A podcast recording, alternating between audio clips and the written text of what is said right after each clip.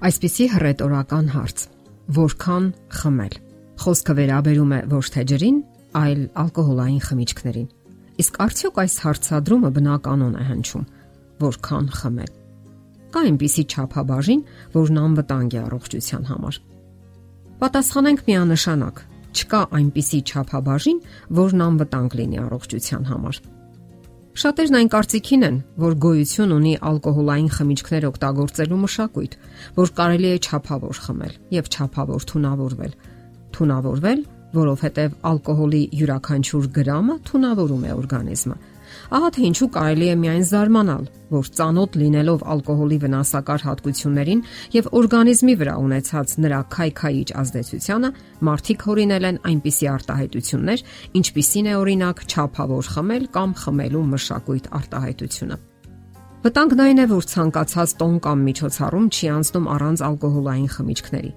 Շատերի համար ամանորը զուգակցվում է մանդարինի կամ տոլմայի բույրերի հետ, իսկ հա շատերի համար շամպայնի, գինու կամ օղու եւ այլ թունդ խմիչքների բույրի հետ։ Այդպես են նշում համարյա բոլոր տոները։ Ոչ մի տոնական սեղան հնարավոր չէ պատկերացնել առանց ալկոհոլային խմիչքների, եւ դա դառնում է ողբերգություն շատերի համար։ Հարբած վեճերից հետո շատերը նույնիսկ կյանքով են հատուցում այդ այսպես կոչված մշակույթի համար շատերը բանտարկությամբ, իսկ շատերն էլ առողջության կորստով, եւ այս բոլորն անցնում է հասարակության լուր համաձայնության ներքո։ Իսկ երբեմն էլ գովազդների տեսքով ձոներ են հղվում նորին մեծություն ալկոհոլին։ Ներկայացնենք դրանցից մի քանիսը։ Մարտինի խմիչքի գովազդներից մեկում կարդում ենք. տոնը սկսվում է ցանկությունից։ Մարդկանց մի ստվար մասն այն կարծիքին է, որ Մարտինի խմելը տոն է։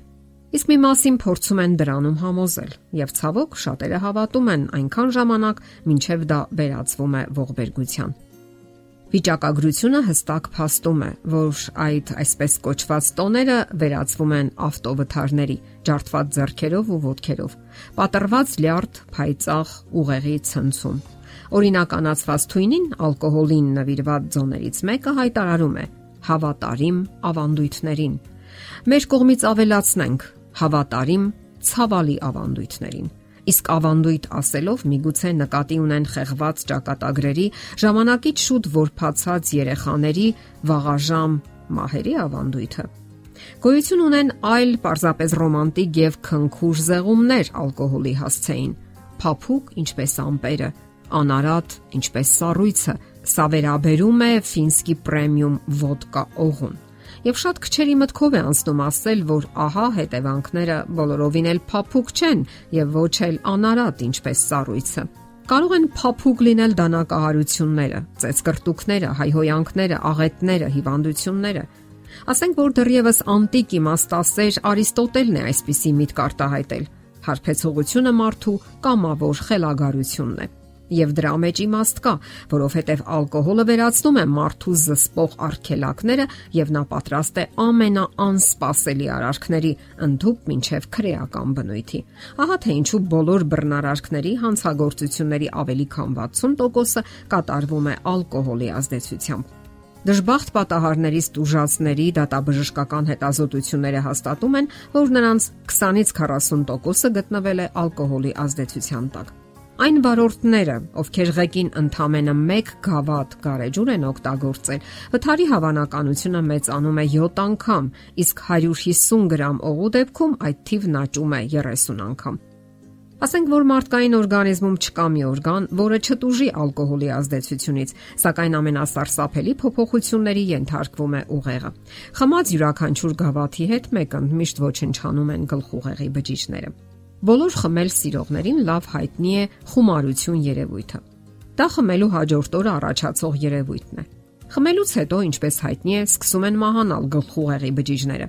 Առողջ կենսաձևի նշանավոր քարոզիչներից մեկը հոգեբանության պրոֆեսոր Վլադիմիր Ժդանովը պատկերավոր բացատրում է, թե ինչ է տեղի ունենում այդ մահացած բջիջների հետ։ 36 աստիճանի դեպքում միլիոնավոր սպանված բջիջներ սկսում են նեղել եւ քայքայվել։ Սակայն որpիսի մարդը չմահանա այդ նեղումից, օրգանիզմը սկսում է մեծ քանակությամբ հեղուկ մղել դեպի գանգը, ջանալով ազատագրվել այդ այլևս թունավոր նյութերից։ Իսկ հեղուկը բնականաբար հեռանում է միզասեռական համակարգով։ Պրոֆեսորն իր միտքն ավարտում է հետեւյալ մեջբերումով. Նա, ով գինի եւ գարեջուր է խմում, խումարության հետ միզում է սեփական ուղեղը։ Ցավոք, Որքան էլ անընդհատ հնչեն նախազգուշական կոչեր ընդդեմ ալկոհոլի, աշխարհում ալկոհոլի արտադրության աճը տարեցտարի ավելանում է, եւ դա տեղի է ունենում հիմնականում երիտասարդների հաշվին։ Որոշ վիճակագրական փաստեր վկայում են, որ երիտասարդների մոտ 70%-ը ալկոհոլ է օգտագործում։ Վերջին հետազոտությունները փաստում են, որ ալկոհոլի նույնիսկ այսպես ասած չափավոր եւ ոչ տևական օգտագործումը ոչնչացնում է սպերմատոզոիդների մոտ երրորդ մասը։ Եթե տղամարդը սկսել է հարել ալկոհոլային խմիչքներից 17 տարեկանից, ապա նրա սեռական բջիջների քանակը նորմայի համեմատ նվազում է մոտավորապես 46%-ով, իսկ շարժունակությունը 37%-ով։ Ամփոփելով ասենք, որ այսօր ալկոհոլամոլությունը պարզապես ճարիքի է վերածվում հասարակական մակարդակով։ Վիճակագրական սարսափելի թվեր ու փաստեր են բերվում։ Ահա թե ինչու հնարավոր չէ խույս տալ այդ վտանգներից, եթե ժամանակին կտրուկ միջոցներ չձեռնարկեք։ Մենք ենք լինելու դրության տերը, այլ ոչ ալկոհոլը։ Մեզ փորձում են խაფել թե գովազները, թե հասարակական կարծրատիպերը, թե ավանդույթները եւ պարզապես ճափավոր խմելու մասին հորինվածքները։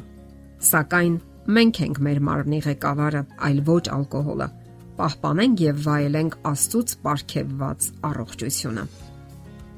Եթերում է առողջ ապրելակերպ հաղորդաշարը։ Ձեզ հետ է Գեղեցիկ Մարտիրոսյանը։ Հարցերի եւ առաջարկությունների համար զանգահարել 033 87 87 87 հեռախոսահամարով։